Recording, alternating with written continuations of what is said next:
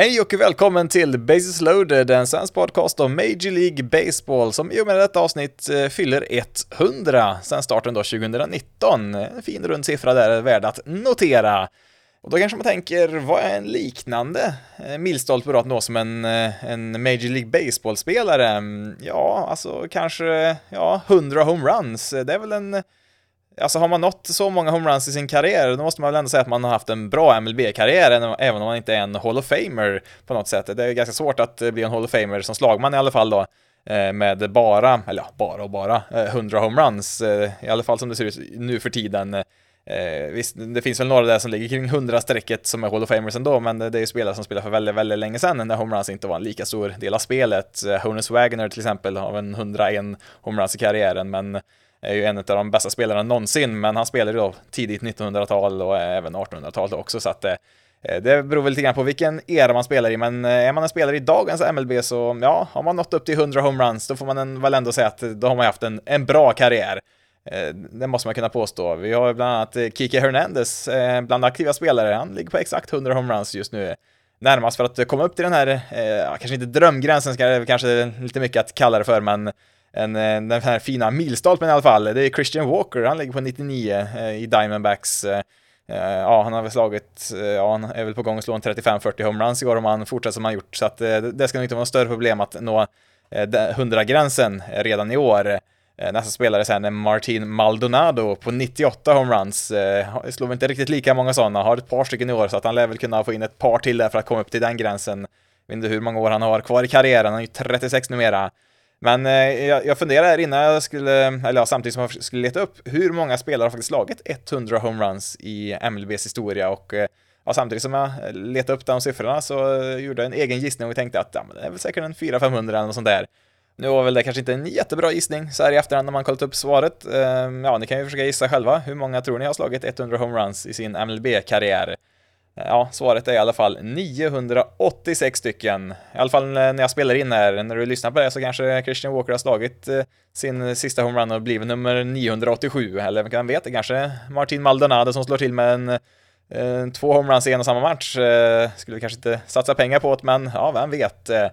Det innebär ju också att det är inte så långt borta tills vi har exakt 1000 spelare som har slagit 100 homeruns i, i MLB. Eh, får se vad det kan bli. Jag har bara topp ja, bara, bara topp 1000-listan här, så att eh, den stannar på 98 här, så jag har inte några mer aktiva spelare som man kan se här, om det är många som är nära eller inte, men eh, det borde ju inte dröja jättelång tid till, tycker man, innan, eh, innan eh, vi har 1000 sammanlagt som slagit 100 homeruns. Eh. Men som sagt då, 100 avsnitt, det betyder ju varken att det är den eh, bästa eller mest framgångsrika podden på något sätt, men ändå, eh, ja men någon typ av kvalitetsstämpel, eller ja, vem som helst kan väl sätta sig och spela in sin egen röst en halvtimme eh, hundra gånger och lägga ut på nätet. Det, det finns väl inga hinder för det riktigt så, men eh, kollar man på en podcast och ser att det finns eh, hundra eller fler avsnitt så tänker man väl, eller ja, jag tänker väl i alla fall att ja, men här finns det väl någonting i alla fall. Någon har ju uppenbarligen lyssnat på det här eh, i någon utsträckning, så mm, ja, det, det är en kul siffra att nå upp till där. Eh, sen är det givetvis som med det mesta andra att kvaliteten är viktigare än kvantiteten. Det ska man inte glömma bort och ja, vilken kvalitet den här podden håller, ja, det låter jag er som lyssnar avgöra, men för er som har varit med hela vägen, det finns några av er som vet varit med ända från starten då 2019, så ett stort tack till er och eh, ja, stort tack till dig även om det här är ditt första avsnitt också. Det är alltid kul när någon väljer att lyssna på den här pod podcasten då, som sagt inte den mest populära, men eh, brukar vara runt ett hundratal som lyssnar varje avsnitt. Ja, det beror väl på lite grann, det kommer att gå lite grann i vågor såklart. Men ja, vi kör väl på så får vi se eh, hur många till det blir här. Men på tal då om eh, kvalitet och kvantitet, en spelare som hade både och, eh, ja kanske inte så mycket kvantitet då på, eh, på homerun-fronten, det är Ichiro Suzuki som har bläddrat förbi här när jag kom ner i botten här på spelare med över 100 homeruns. Han kom upp i 117 i alla fall, han var ju inte direkt någon powerhitter på det sättet, men visar ändå att man behöver ju inte en monsteröst antal homeruns som slagman även i i relativ nutid, eller ja, han gick väl i pension samtidigt som den här podcasten började, så att det är inte någon antik historia vi pratar om här. Eh, men eh, det jag vill säga här också är att om ni någon gång har någon frågesport och vill ha något baseballtema och har lite baseballintresserat folk och vill ha en liten lurig fråga att eh, få folk att snubbla på så kan ni ställa frågan vilken spelare med namnet Suzuki har slagit flest homeruns i MLB? Ja, det är ju nämligen inte Ichiro, för det har vi ju catchern Kurt Suzuki, han har slagit 143 stycken, så att eh, ja, det är lite, lite kuriosa där som man kan få någon att snubbla på om man har någon liten frågesport där med baseballtema som sagt. När jag då ändå är inne och eh, bläddrar bland historiska leaderboards eh, så kan vi även lyfta Mike Trout, som jag såg här tidigare idag, att Ja, han har ju faktiskt passerat ytterligare en spelare på WAR-listan, alltså Wins Above Replacement. Eh, på Baseball Reference så har ju Mike Trout 84 WAR, vilket gör att han då har passerat eh, Ken Griffey Jr och Pedro Martinez. Eh, kan vi lägga till att Griffey spelar 22 år i MLB, Trout är inne på sitt 13 år, så att han, han ligger lite före där kan man säga. Ehm, men ja, det, sen beror det också på då, använder man Baseball Reference War eller Fangraphs War? De räknar ju lite olika. På Fangraphs har Mike Trout bara 83,9, alltså 0,1 War mindre än man har på, på Baseball Reference och då kanske du undrar, ja men vilken, vilken War är bäst att utgå ifrån? Eh, ja, svaret på den frågan är helt enkelt eh, den varianten som stöder, stöder ditt argument, brukar man väl säga. Det, det finns väl inget rätt och fel, eller ja, de, de är väl tekniskt sett lite olika på hur de räknar ut det där. Det är inte någon jättestor skillnad som sagt. Eh, han har i princip samma på, på både Baseball Reference och Fangraphs.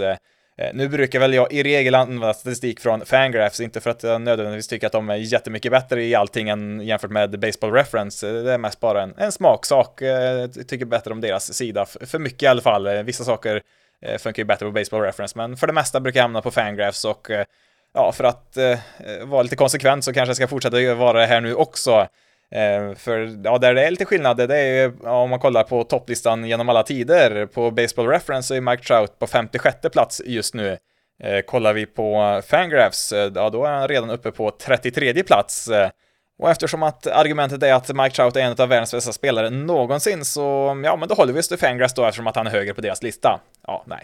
Det är som sagt, det är, bara, det är en smaksak mer det där och jag brukar hålla mig till Fangraphs oftast i alla fall förutom vissa Eh, specifika fall då och eh, ja, kollar vi på vart han är på väg i år skulle han, ja han har 1,7 war så här långt i år.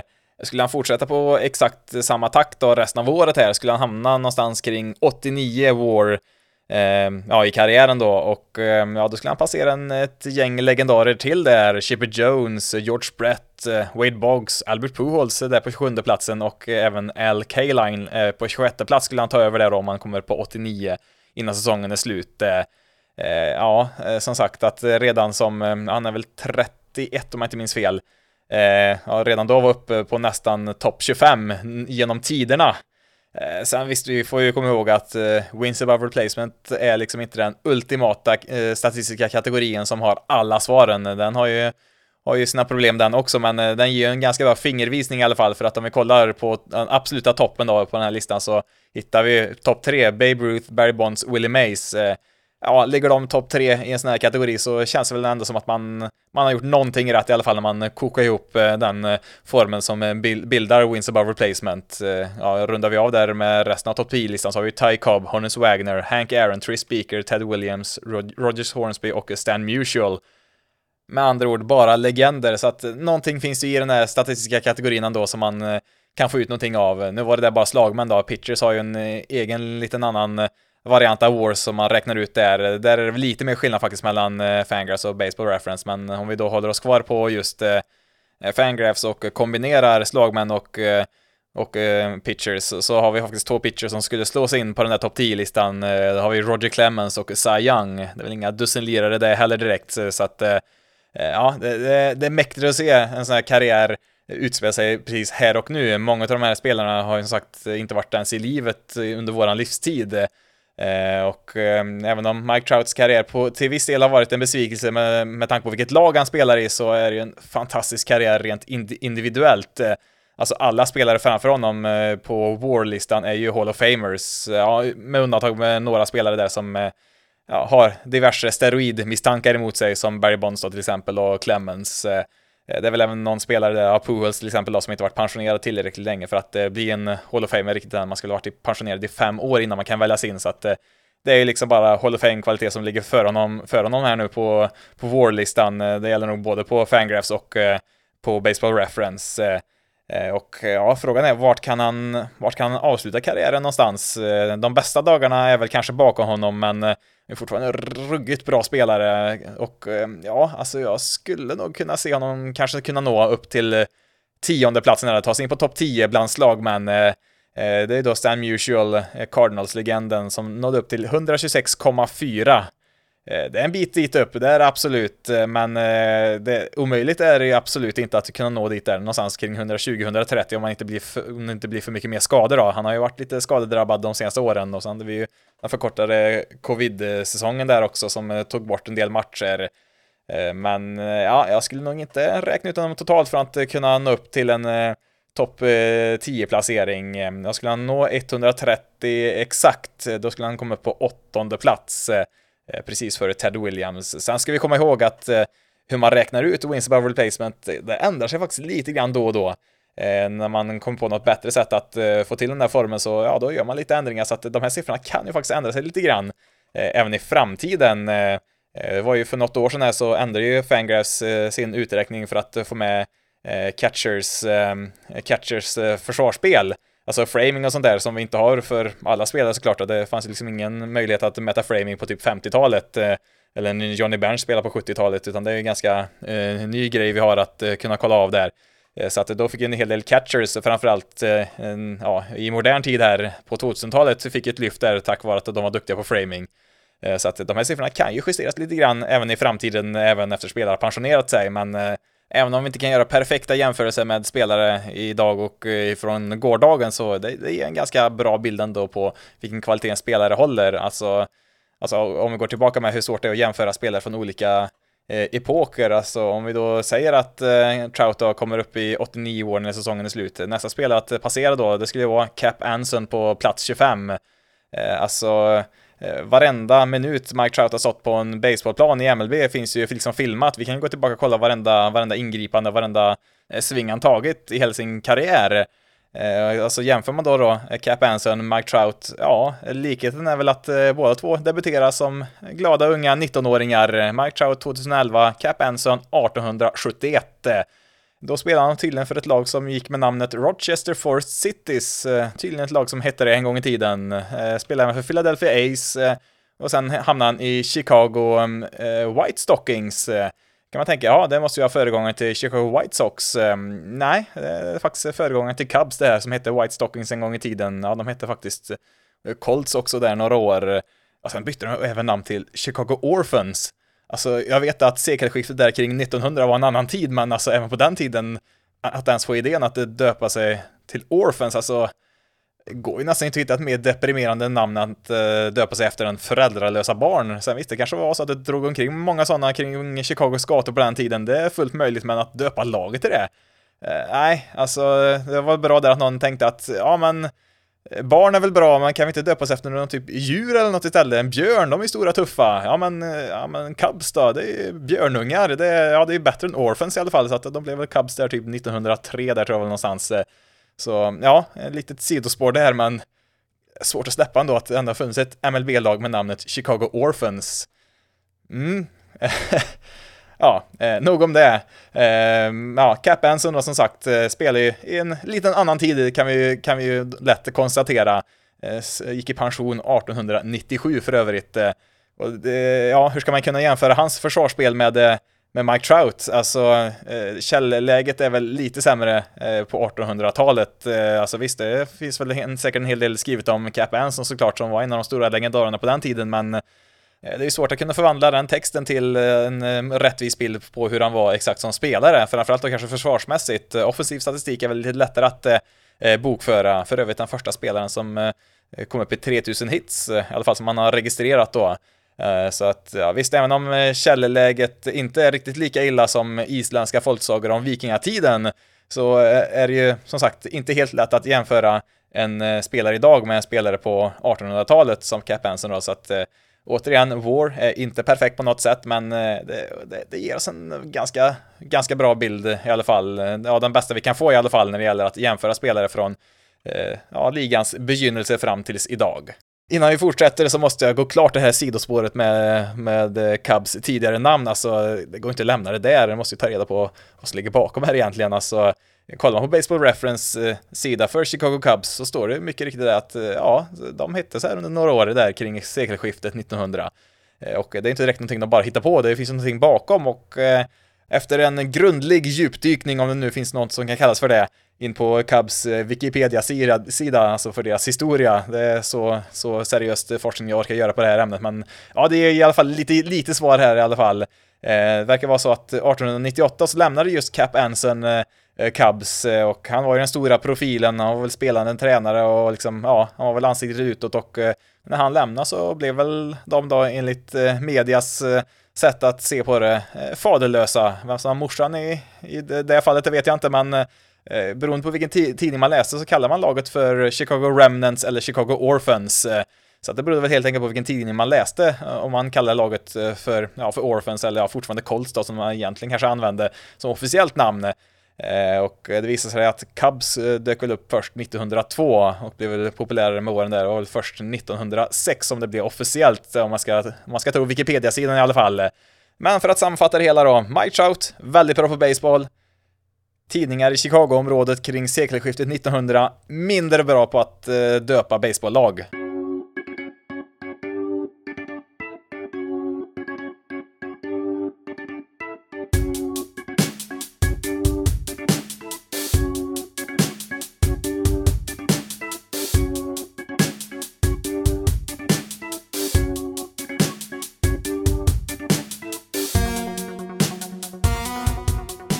Då ska vi ta lite lyssnarfrågor som har kommit in här också, som jag frågade efter igår. Hade inte så jättemycket framförhållning på att få in dem där, men några frågor kom in i alla fall på Twitter, Facebook där.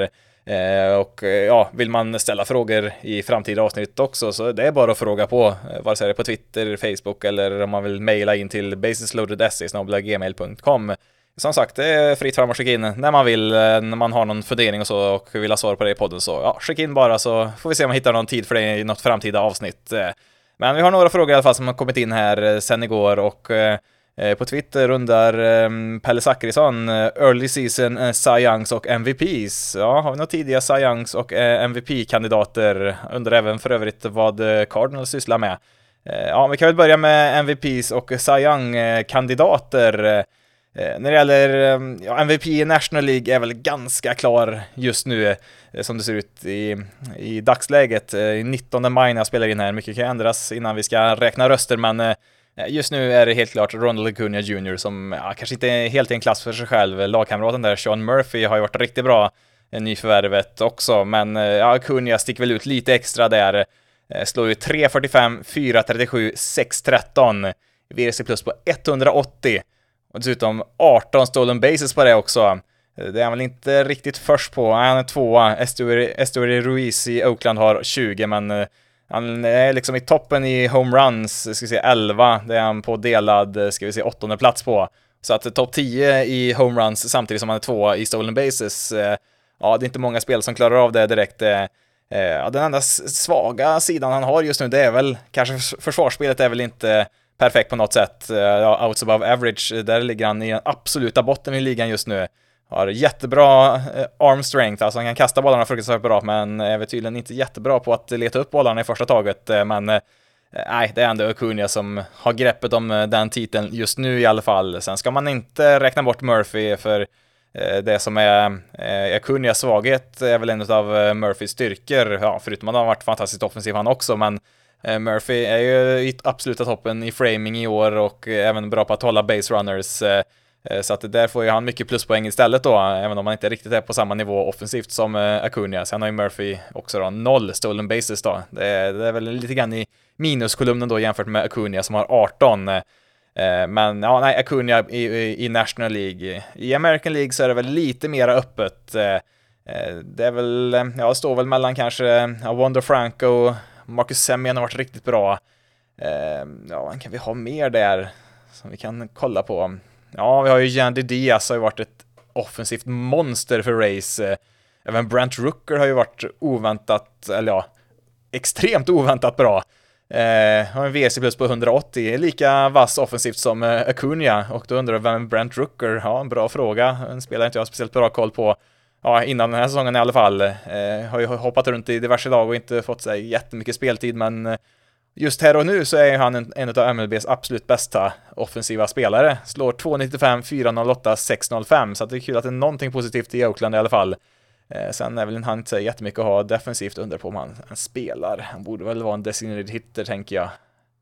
Ska vi se. Oh, ja, han har spelat hälften som DH och eh, hälften som corner outfielder. Så att, eh, ja, han är väl en spelare att ha koll på, men jag vet inte om man skulle lägga in honom som eh, favorit i, i, i MVP-omröstningen eh, eh, så här långt. Eh, han finns väl med där i alla fall på topplistan, men eh, jag skulle jag tvungen att välja någon så, ja, jag, jag landar nog på Wonder Franco, liksom spelar en tuff eh, defensiv position som shortstop och gör det bra. Och slår riktigt bra här också. 292, 354, 503. VC plus på 140. Som jag nämnde, jag kommer inte ihåg om jag sa det innan säsongen eller precis när säsongen hade börjat, att eh, ha koll på Wonder Franco och det här kan bli hans eh, säsongen han slår igenom på riktigt här. Och eh, ja, än så länge så, så lever han upp till hypen i alla fall. Så att ja, på MVP-sidan så får jag väl säga Acuna och Franco så här långt i alla fall. På pitching-sidan då, om vi kollar på, på Cy Young-kandidater i American League, ja, är det Sunny Gray kanske? Han har ju lägst ERA i MLB just nu i alla fall, så det kan man inte ta ifrån honom. Eh, eh det är väl han, eh, ja, Garrett Cole ligger väl bra till också. Garrett Cole har ju 13 fler innings också, även om hans ERA är lite sämre där. Eduardo Rodriguez har också haft en riktigt bra start på säsongen. Han och Cole har ju båda en ERA precis över två. Men eh, ja, ja, frågan är om det kanske är en Gray, ja det är nog Sonny Gray eller Garrett Cole om man är tvungen att välja en av dem så Mm, ja, lite, ja, han lutar väl kanske lite grann mot Sunny Gray, men som tur är så har vi mycket kvar att spela, så det lär väl vara lite mer tydligt när vi eh, summerar säsongen. Sen har vi Garrett Cole en, en match mer spelad också än eh, Sunny Gray där, så det är väl därför han har lite mer innings också. Eh, men eh, på National League-sidan då så Alltså, jag ser att Alex Cobb i Giants har ju lägst ERA i National League, 1,94.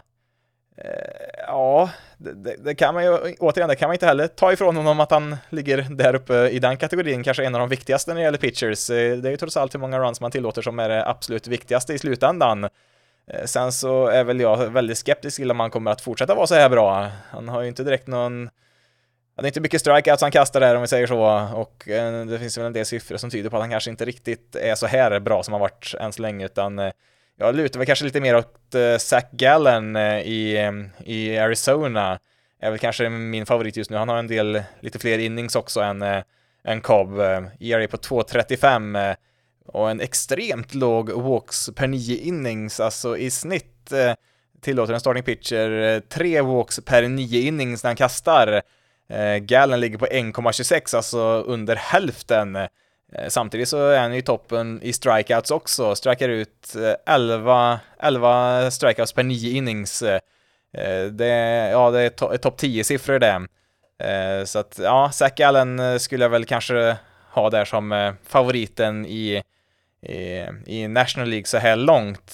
Sen är det ju såklart så när vi har spelat så pass lite som vi faktiskt har gjort, eller ja, det är ändå en fjärdedel av säsongen, så ligger ju väldigt många spelare ganska tätt ihop rent statistiskt sett, eh, men eh, ja, nej, eh, det är nog Zack Allen och Sonny Gray för min del så här långt i alla fall. Sen finns det ju många andra som ligger i närheten och sen är det ju såklart alltid frågan vad gör man med Shohei Otani? Han har väl inte riktigt varit så dominant som han var pitchingmässigt i början på säsongen här, haft några lite sämre starter här nu.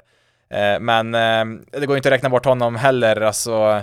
Eh, nu får vi se vad siffrorna landar på när säsongen väl är över, men eh, säg att han, ja, om vi tar hans statistik som han har nu, gånger fyra, eh, så om man skulle stanna där någonstans då, ja, om jag ska vara helt ärlig, då skulle jag nog ha svårt att eh, rösta fram någon annan som MVP i alla fall. Eh, Sayang-titeln lär han ju inte vinna om man eh, fortsätter exakt som han gjort eh, Eh, så här långt, även om han var väldigt bra där tidigt på säsongen, men eh, alltså skulle jag vara tvungen nu att välja mellan Otani och Wonder Wanda Franco som jag nämnde där tidigare som AL MVP så Ja, alltså det, det, går ju inte att ignorera vad Otani faktiskt gör. Liksom en All-star hitter och en All-star pitcher i ett. Det är, ja, det är tufft att konkurrera med, även för en spelare som Franco som varit riktigt bra i år, men eh, ja, alltså de är ju jämförbara offensivt i år så här långt. Eh, sen har ju inte Otani något defensivt värde, men som sagt, han är ju en pitcher också så att ja, nej, det, det, är fortfarande Otani som är AL MVP. Så här långt i alla fall, i min mening. Sen på frågan, vad sysslar Cardinals med egentligen? Eh, ja, det är nog många som undrar, inklusive Cardinals själva skulle jag nästan tro. Eh, de, ja, nu har de faktiskt klättrat upp lite grann här nu. Eh, de hade ju länge National Leagues sämsta record, men det har de faktiskt inte längre nu. Ska jag kolla om det... Nej, det har de inte. Nationals har den äran att det var sämsta lag i National League just nu. Eh, en match eh, sämre än eh, Cardinals då, som fortfarande har näst sämst record i National League, men Eh, även om de har 19 vinster och 26 förluster så har de vunnit 8 av sina senaste 10, så att de har ju Ja, de har ju påbörjat vändningen i alla fall, om det är nu det vi ser här. Ja, det är ju helt klart en vändning mot hur det såg ut i, eh, mot början av året här och de är ju trots allt bara sex matcher från första platsen i divisionen. Det är inte något jättestort eh, avstånd sett till eh, vad som är kvar att spela. Eh, bara kolla på AL East, eh, Yankees är sex och en halv match upp till första platsen där, så att eh, eh, ja, det är inte ett drömläge på något sätt man har i Cardinals, eh, men eh, det ser ju bättre ut onekligen och eh, ja, det som det har surrats mycket om det är ju såklart situationen med Wilson Contreras. Ja, snabba varianten är väl att eh, för någon vecka sedan här, eller ett par veckor sedan är det väl kanske nu, så gick man ut med att säga att eh, nej, eh, Contreras ska inte vara catchy längre på ett tag. Han ska vara våran DH och slå lite grann där. Eh, och eh, ja, det, då undrar man ju, alltså har han varit så brutalt dåligt defensivt Contreras? Man visste ju att eh, det är inte någon Jadi Molina här som kommer in defensivt som man ska ersätta här. Det visste väl ja, alla, inklusive Contreras själv. Eh, men kollar man vad han har presterat så här långt i år så visst, eh, han är ju inte ligans bästa catcher, det är han absolut inte, men han har väl inte varit någon katastrof heller. Han har väl gjort ungefär som man kan förvänta sig. Eh, resultatmässigt, eh, det är väl snarare Cardinals pitching som varit bedrövlig. Alltså deras rotation var ju, hade man ju många frågetecken på inför säsongen, men eh, ja, de har ju till och med underpresterat eh, de farhågorna där. De har varit riktigt dåliga stundtals, deras starting pitchers. Så ja, visst, någon procent eh, utav eh, skulden kanske kan läggas på Contreras, men eh, det är ju främst deras pitchers som har varit problemet och att ge han skit för att det går dåligt, det, ah, det känns väl inte riktigt helt okej. Okay. Och det verkar väl som de flesta är överens om också att alltså, vad håller ni på med Cardinals? Verkligen totalsågar honom så här öppet. De gick verkligen ut i media och sa att nej, han ska inte vara catcher, han måste jobba på Ja, exakt vad sa de ju inte, utan de sa att vi har vissa förväntningar på vad en catcher ska klara av och eh, ja, det är upp till honom själv att visa att han fixar det typ. Eh, utan att eh, återigen ge något speciellt mycket detaljer och Ja, alltså saken är den att deras backup catchers är väl inte några defensiva specialister de heller på något sätt och framförallt bedrövliga slagmän jämfört med Contreras i alla fall som är väldigt bra. Så att det blev en del cirkus eh, kring det här och mycket knepiga uttalanden från dels Olly Marmal, deras manager, och eh, Moseilak, eh, deras general manager, som Ja, det blev bara mer frågetecken för varje intervju de gav där och alltså deras egna pitchers, eh, Flaherty gav ju även han knepiga citat där, liksom i princip eh, beskyllde hans dåliga start på säsongen på Contreras och det, alltså Contreras fick i princip all skuld för allt som har gått fel i princip, eh, lät ju som Eh, från Cardinals håll eh, så här långt i år efter den här riktigt urusla starten. Det är väl liksom en av de sämsta starterna i Cardinals historia och eh, det här är ett lag som har varit med ett tag kan man ju säga. Alltså, de grundades väl där någonstans under Cap Ansons glansdagar på 1800-talet. St. Louis Brown Stockings tror de var där från början. Blev väl Cardinals där ungefär samtidigt som ett visst Chicago-lag gick under diverse tveksamma smeknamn. Men ja, som sagt, Eh, det, det, ja, det andas lite panik här i Cardinals. Alltså, de har ju bara haft en enda säsong på hela 2000-talet under 500 och eh, visst, de har haft säsonger som gått mindre bra, men en sån här riktigt urusel start, det, det är inte... Ja, det, det händer ju bara inte i St. Louis eh, nu för tiden, ja, fram till 2023 då. Så att det är väl en kombination av att eh, Ehm, ja, man helt enkelt inte vet hur man ska hantera situationen och eh, ja, det blir dels då pressen från att det inte går bra på planen och sen pressen av att man eh, totalsågas för hur man hanterat Contreras eh, med all rätt då, så att det, det blev väldigt mycket på en och samma gång för en organisation som man eh, är van med ska sköta allting så himla snyggt hela tiden. Alltså, det här är ju någonting som man förväntar sig från många andra lag. Rockies är ett bra exempel. White Sox skulle jag kunna, skulle inte vara förvånad om det skulle hända där, men Cardinals, det, det händer ju bara inte där. Ja, fram tills nu då. Så att det, ja, det, ja, de har nog lite panik kanske att ta i, men man är nog lite skakade där ändå att eh, man kan få så här mycket kritik och att eh, laget blir utbuad på hemmaplan ganska rejält där när det var som värst. Eh, alltså, som jag hört många Cardinals-reportrar prata om att vissa individuella spelare har ju buats ut genom åren, men att laget har buats ut, det, det har de nästan inte varit med om, i alla fall inte de senaste 20 åren. Så att det, ja, det, det är lite skakigt där i St. Louis, men nu har man i alla fall eh, vänt eh, tillfället i alla fall. Nu har man gått ganska bra här eh, och Ja, framförallt när Nolan Arenado har ju vaknat till liv igen. Han var ju som, han var ju helt vilse rent offensivt där ett tag, men han har ju vaknat till liv här nu igen och det kanske gäller väl kanske hela laget här. Och ehm, ja, kanske det roligaste i allt det här var väl att det tog väl ungefär en vecka från det att man meddelade att Contreras inte ska vara catcher längre till man kom fram till att jo, nu är han catcher igen. Han har tydligen jobbat stenhårt på alla sina brister så att han behövde bara en vecka så får han vara catcher igen det är ju bara skitsnack från Cardinals sida, så hade det varit eh, på riktigt en sak som bara tog eh, en vecka att åtgärda, ja men då hade man väl bara sagt att ja, nej, han har lite ont i benen här så att han måste vila lite grann eh, från catching-positionen här, får vara DH här ett tag nu så att han får vila upp sig här nu så är han tillbaka här strax och så hade det inte varit något mer med det. Det hade ju varit en eh, fullt normal eh, förklaring på varför Contreras inte spelar catcher i liksom en vecka. Men eh, alltså det, det, det, kan ju inte vara något annat än att de fick så mycket kritik för att de kände sig tvingade att sätta tillbaka honom där. Alltså, jag tror inte att de har liksom hittat en helt ny nivå utav catching defense här från, från Contreras på den där veckan. Det kan jag absolut inte tro. Utan det här känns bara som en liksom reaktion på att oj då vad folk blir arga på oss och eh, det måste, alltså deras pitchers måste väl också ha gått och sagt att nej, vi vill inte kasta till Contreras, för deras pitchers fick väl också en del skit att eh, man skyller inte på honom, det är ni som kastar fruktansvärt dåligt. Eh, även om inte han är ligans bästa defensiva catcher.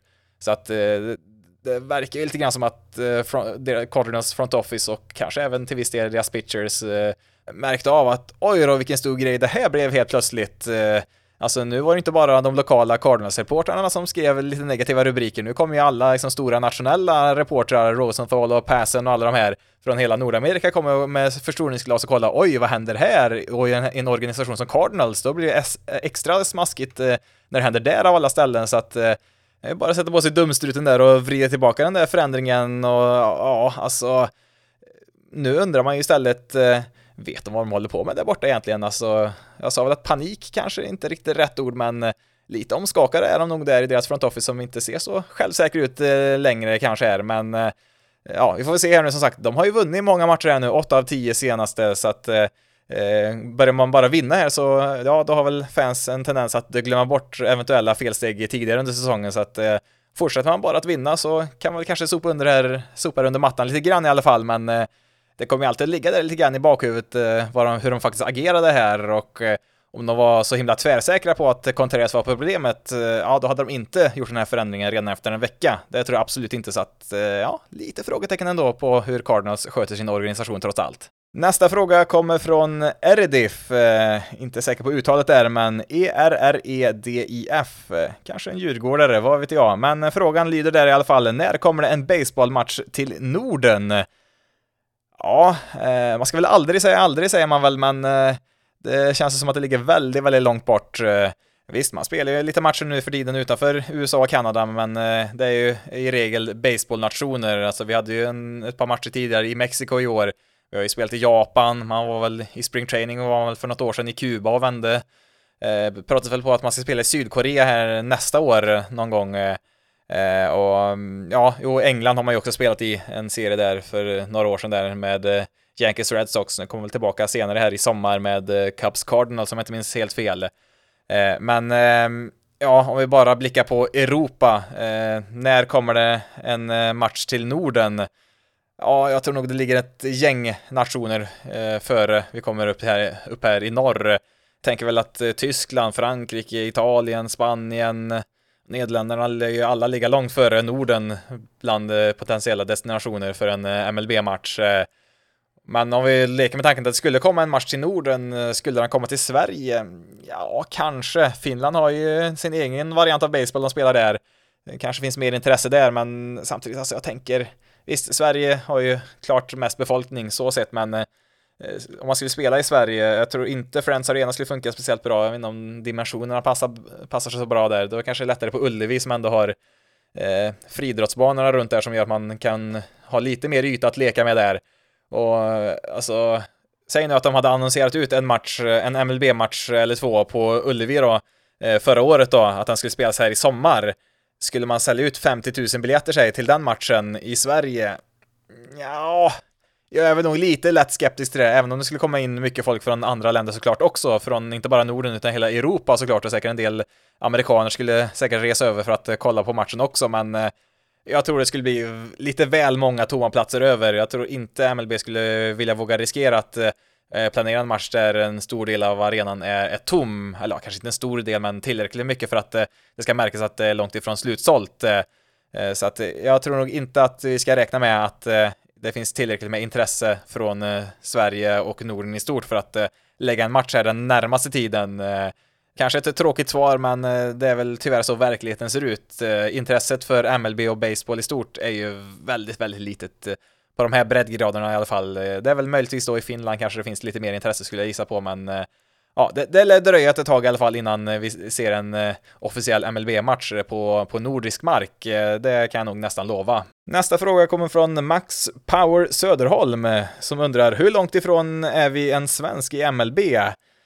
Ja, det, det har jag inget jättebra svar på, man kan ju bara spekulera, men Ja, jag vet inte riktigt hur svensk baseball står sig internationellt sett. Eh, jag vet inte om det ens är realistiskt att räkna med att ett svenskt lag skulle ens ha en chans att ta sig till en World Baseball Classic eh, till en början med. Och eh, ja, vi kan ju se bara av de nationerna som var med i årets turnering så är det ju flera nationer som inte är representerade i MLB utav en enda spelare, så att vi är nog ganska långt därifrån. Det skulle väl vara då om det är någon som i kanske väldigt ung ålder flyttar över till USA, kanske har någon eh, någon amerikansk förälder eller något sånt där och eh, liksom får börja liksom nerifrån, får spela Little League och så vidare, gå igenom high school och sen college, eh, gå den vägen då, kanske komma upp eh, eh, i draften då, och sen till ett MLB-lag. det är väl en väg det skulle kunna fungera, men det tar ju ganska lång tid i så fall.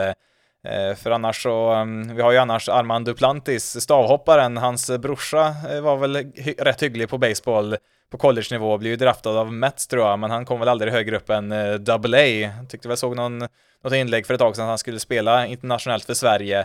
Men så mycket närmare än så vet jag inte om vi är i nuläget. Eh, nu får väl kanske någon då som är lite mer insatt i just svensk baseball kanske eh, kommentera mer kring den frågan, för det är någonting som vi har väldigt dålig koll på, men eh, med tanke på att eh, Sverige inte verkar vara i närheten av att kunna slåss mot ens de bästa europeiska lagen så känns det väl ändå ganska långt borta, men eh, jag kan ju ha fel. Jag hoppas ju att jag har fel, att det kanske finns någon enorm talang här på svensk mark eh, som eh, skulle kunna ta steget så småningom, men det är ingenting jag känner till i alla fall, tyvärr.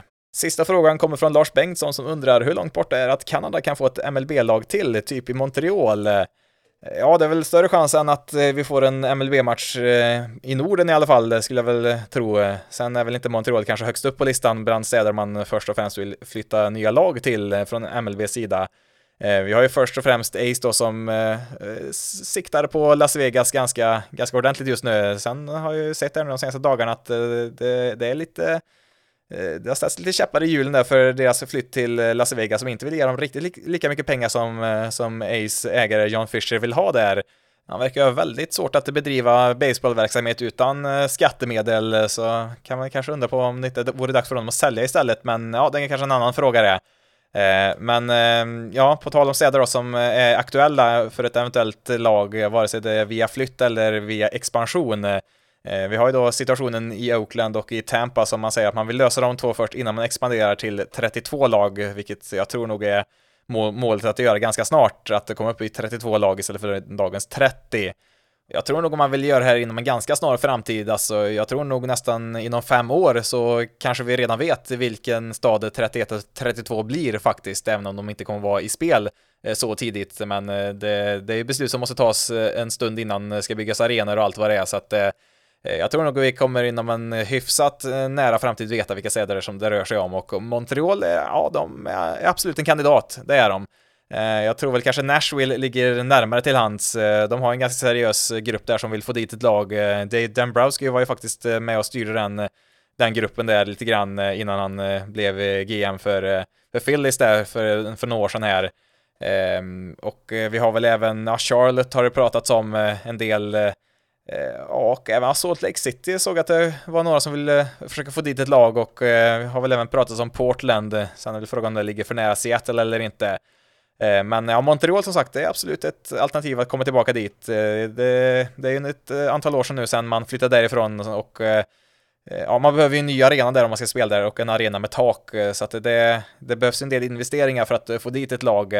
Eh, och ja, ska ett lag till Kanada så är det väl kanske Montreal framför allt som eh, är närmast till hands. Eh, det är väl ja, möjligtvis Vancouver då som för man ser ju på Seattles matcher när de spelar mot Blue Jays så, så är det enormt många Blue Jays-fans som kommer över det från gränsen som ligger ganska nära Seattle då, så det kommer väl många från Vancouver och kollar på de matcherna, så att det är väl inte helt omöjligt, men visst, Montreal är väl den staden i Kanada som ligger närmast. De tappar ju sitt Expos, Eh, var det 2007 eller 2004 där någonstans? Ja, det var ett tag sedan i alla fall. Eh, sen är det väl lite känsligt att komma tillbaka till en marknad som man faktiskt lämnat eh, då det inte gick ihop ekonomiskt där till slut.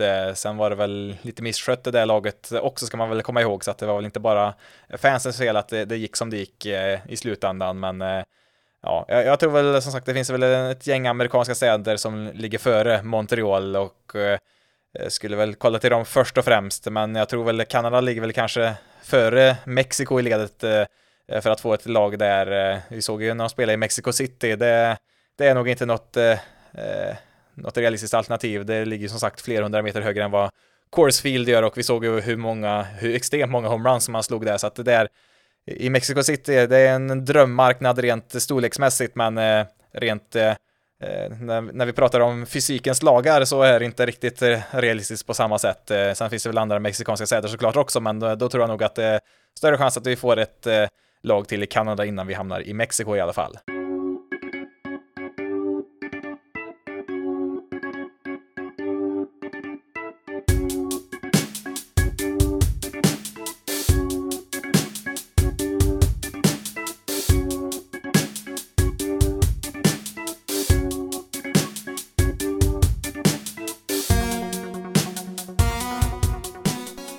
Då ska vi avsluta med några korta notiser här innan avsnitt 100 är över. Vi kan nämna bland annat att eh, Mets har kallat upp eh, Gary Sanchez. Ja, han är tillbaka i New York, eh, men i blått och orange den här gången. Eller kanske lite grått också, jag vet inte vilka tröjor de har på sig idag, men eh, eh de, han har kallats upp i alla fall. Han eh, spelade ju med Twins förra året, eh, tradades ju dit från Yankees, eh, gick väl ja, sådär kanske, gjorde väl inte mycket väsen av sig där. Eh, hittade inget lag här nu i vintras, blev jag faktiskt lite överraskad över att han inte hittade ett enda lag som ville chansa på honom som en ja, backup-catcher i alla fall, men eh, han hamnade väl i Giants där eh, till slut eh, på ett minor League-kontrakt. Eh, släppte jag honom nyss där och eh, plockades upp av Mets och ja, nu är han tillbaka på en MLB-roster. Får vi se eh, vart, vart det tar vägen. Han har sett bedrövlig ut i AAA så här långt i år, men eh, ja, vem vet, han kanske får någon gnista där igen eh, när han eh, kommer tillbaka till storstan och ska spela igen. Eh. Eh, sen såg det väl i och för sig inte så jättebra ut när han lämnade stan senast, men eh, ja, vi får väl se helt enkelt. Eh, kan väl kanske inte få för stora förhoppningar som Mets-fans att det är Gary Sanchez som ska vända Mets eh, eh ja, ska vi säga, misslyckade inledning på säsongen eh, får man ju ändå säga, men eh, ja, vi, vi, får väl se där. Det vore ju kul om eh, Sanchez likt Contreras kunde tysta lite kritiker där genom att krossa några bollar, men ja, är väl lite tveksam till det, men ja, vi får väl se helt enkelt. I kategorin statistik som låter helt påhittad men faktiskt stämmer på något knepigt sätt hittar ju White Sox som igår eh, lyckades med, eh, ja vi kan väl kalla det för bedriften att starta eh, sin 162 match i rad med en högerhänt pitcher. Alltså de har gått 162 matcher utan en start från en vänsterhänt pitcher. Eh, det är, ja, det är minsann en bedrift, eh, tycker jag i alla fall. Alltså, eh, kollar man i år så har 27 av 30 lag startat minst en vänsterhänt pitcher bara i år. Eh, ett par lag som inte har gjort det då, men White Sox har gått 162 matcher utan en vänsterhänt starting pitcher. Och eh, i och för sig då, om man kollar på vem det var som var den senaste vänsterhänta pitchen så var ju det Dallas Keuchel. Och kan väl förstå om man har ett visst trauma efter den upplevelsen. Eh, det var ju inte vackert där på slutet med Dallas Keuchel. Så att det kanske finns en anledning till att man inte vill se en vänsterhänt pitcher på ett bra tag där i, i White Sox, men ehm, ja, samtidigt så har väl deras pitching inte varit direkt lysande i år, så att det där med endast högerhänta starting pitchers har väl inte varit ett recept eh, till framgång. Jag har ju ett record på 16-29, tredje sämsta record i hela, hela American League. Bara Royals och eh, Ace är ju sämre just nu. Till sist lite goda nyheter, det är att Jose Altuve är tillbaka. Han har kallats upp här nu idag för att spela sin första match för säsongen. Han fick ju en fraktur i handen i World Baseball Classic när han träffades av en boll där, så att han har inte spelat någonting i år och Eh, Astros är ett lag som verkligen behöver honom. De har haft det väldigt tufft offensivt. De har ju Jordan Alvarez som är Ja, han är väl duktig nog för att täcka två spelare offensivt, men eh, man behöver lite mer än två offensiva spelare om vi säger så. Eh, så att, eh, ja, kul att se Altuve tillbaka i deras lineup. Har ju bland annat Jose Abreu har ju varit en total flopp Sen de värvade honom där och spelade första bas, slår ju 2.20, 2.69, 2.62, alltså hans on-base är ju högre än hans slugging. Och en ännu större tragedi är att precis här nu det sista jag ska spela in här i avsnittet, eh, när jag försöker kolla upp Abreus eh, statistik då, eh, på Fangraphs så möts jag utav meddelandet att Fangraphs är nere för tillfället. Please rely on the eye test until we get back up and running. Ja, även ögontestet skulle nog säga att Abreo inte har gjort så mycket vettigt, men ja, ja, jag får väl helt enkelt eh, bita i det sura äpplet och flytta över till Baseball Reference, dagens ilandsproblem. Och det värsta av allt, de har ju inte VRC plus på Baseball Reference, alltså det är ju någonting som bara Fangraphs har, så jag får nöja mig med OPS plus som är i princip eh, nästan samma sak, eller ja, det ger väl i stort sett samma resultat, men eh, jag vill bara notera att jag gör det under protest och inte gör det frivilligt. Eh, men ja, alltså OPS plus är ju på samma skala som VRC+, alltså att 100 är genomsnittligt, 110 det innebär 10% bättre än snittet eh, och 90 innebär 10% sämre än genomsnittet. Och eh, Abreus eh, OPS Plus ligger på 47, alltså han är 53% sämre offensivt än genomsnittet i MLB just nu. Hans OPS Plus genom karriären är 132, så att han är långt, långt, långt bort från sin vanliga nivå. Och mm, ja, han slår ju ungefär på samma nivå som, eh, ja, om ni tänker tillbaka typ till antiken och Aristoteles, en mindre civiliserad tid när pitchers av någon outgrundlig anledning var tvungna att gå upp och slå i matcherna. Eh, på den tiden eh, när, när, man, när det fanns en annan pitcher som ansågs vara bra på att slå, eh, fast de var totalt urusla egentligen. Det är ungefär den nivån som Abreu slår på just nu, så att han är ungefär som en duktig pitcher som slagman, ja, minus Ortani då såklart. Så att, eh, ja, eh, positivt ändå att Altuve är tillbaka då, så de kanske kan få någon gnista här offensivt igen, för det är många spelare, inte bara Abreu, som har eh, underpresterat som slagman då, förutom då just Jordan Alvarez. Så att vi får se om det Astros säsong kan kicka igång här nu lite grann. De, de har ju inlett lite trögt här inledningsvis. 24-19 är deras record, bara två matcher från första platsen i AL West, så att eh, de är ju bra med där, men eh, ja, nu kanske de blir extra, lite extra farliga här då med Altuve i sin lineup igen. Ja, då är det dags att avsluta avsnitt 100 utav podden. Eh, återigen, stort tack till alla som varit med och lyssnat, oavsett om ni varit med från avsnitt 1 eller från avsnitt 99, eller kanske till och med från avsnitt 100 för den delen. Eh, kul att få ut ett, ja, lite av ett extra avsnitt här ändå som det här blir. Jag har ju redan ett avsnitt ute den här veckan, lite kortare där, har ju tyvärr haft lite lite kort om tid och inte hunnit spela in så mycket som jag hade hoppats på här nu under säsongens inledning. Jag har lite, lite dåligt samvete ändå att, eh, eh, att det inte blivit så mycket som jag hade hoppats på, men eh, ja, det blir väl lite bättre här då med ett litet extra avsnitt så här i slutet på veckan här inför helgen. Räknar väl med att förhoppningsvis vara tillbaka med avsnitt 101 då tidigt nästa vecka där vi ska kika närmare på hur det ligger till i, i National League då eftersom vi gick igenom lite grann i American League i avsnitt 99 då i början på den här veckan. Men eh, ja, det är väl allt jag har att säga här och nu. Återigen, stort tack för att du har lyssnat. Eh, om du vill eh, få kontakt med mig så kan man hitta mig på Twitter och Facebook och Instagram, lite mer basisloaded.se. Kan även mejla till basisloaded.se gmail.com. Man får även jättegärna sätta betyg och skriva omdömen om den här podcasten i din podcastapp, om det är Apple Podcast eller Spotify eller någon annan. Det hjälper andra sen att hitta den här podcasten om fler sätter betyg och skriver omdömen. Men ja, nu har jag pratat tillräckligt för idag. Mitt namn är Jonathan Fabri. Tack så jättemycket för att du har valt att lyssna på detta avsnitt av Basis loaded. Ni får ha det så bra där ute, så hörs vi i nästa avsnitt.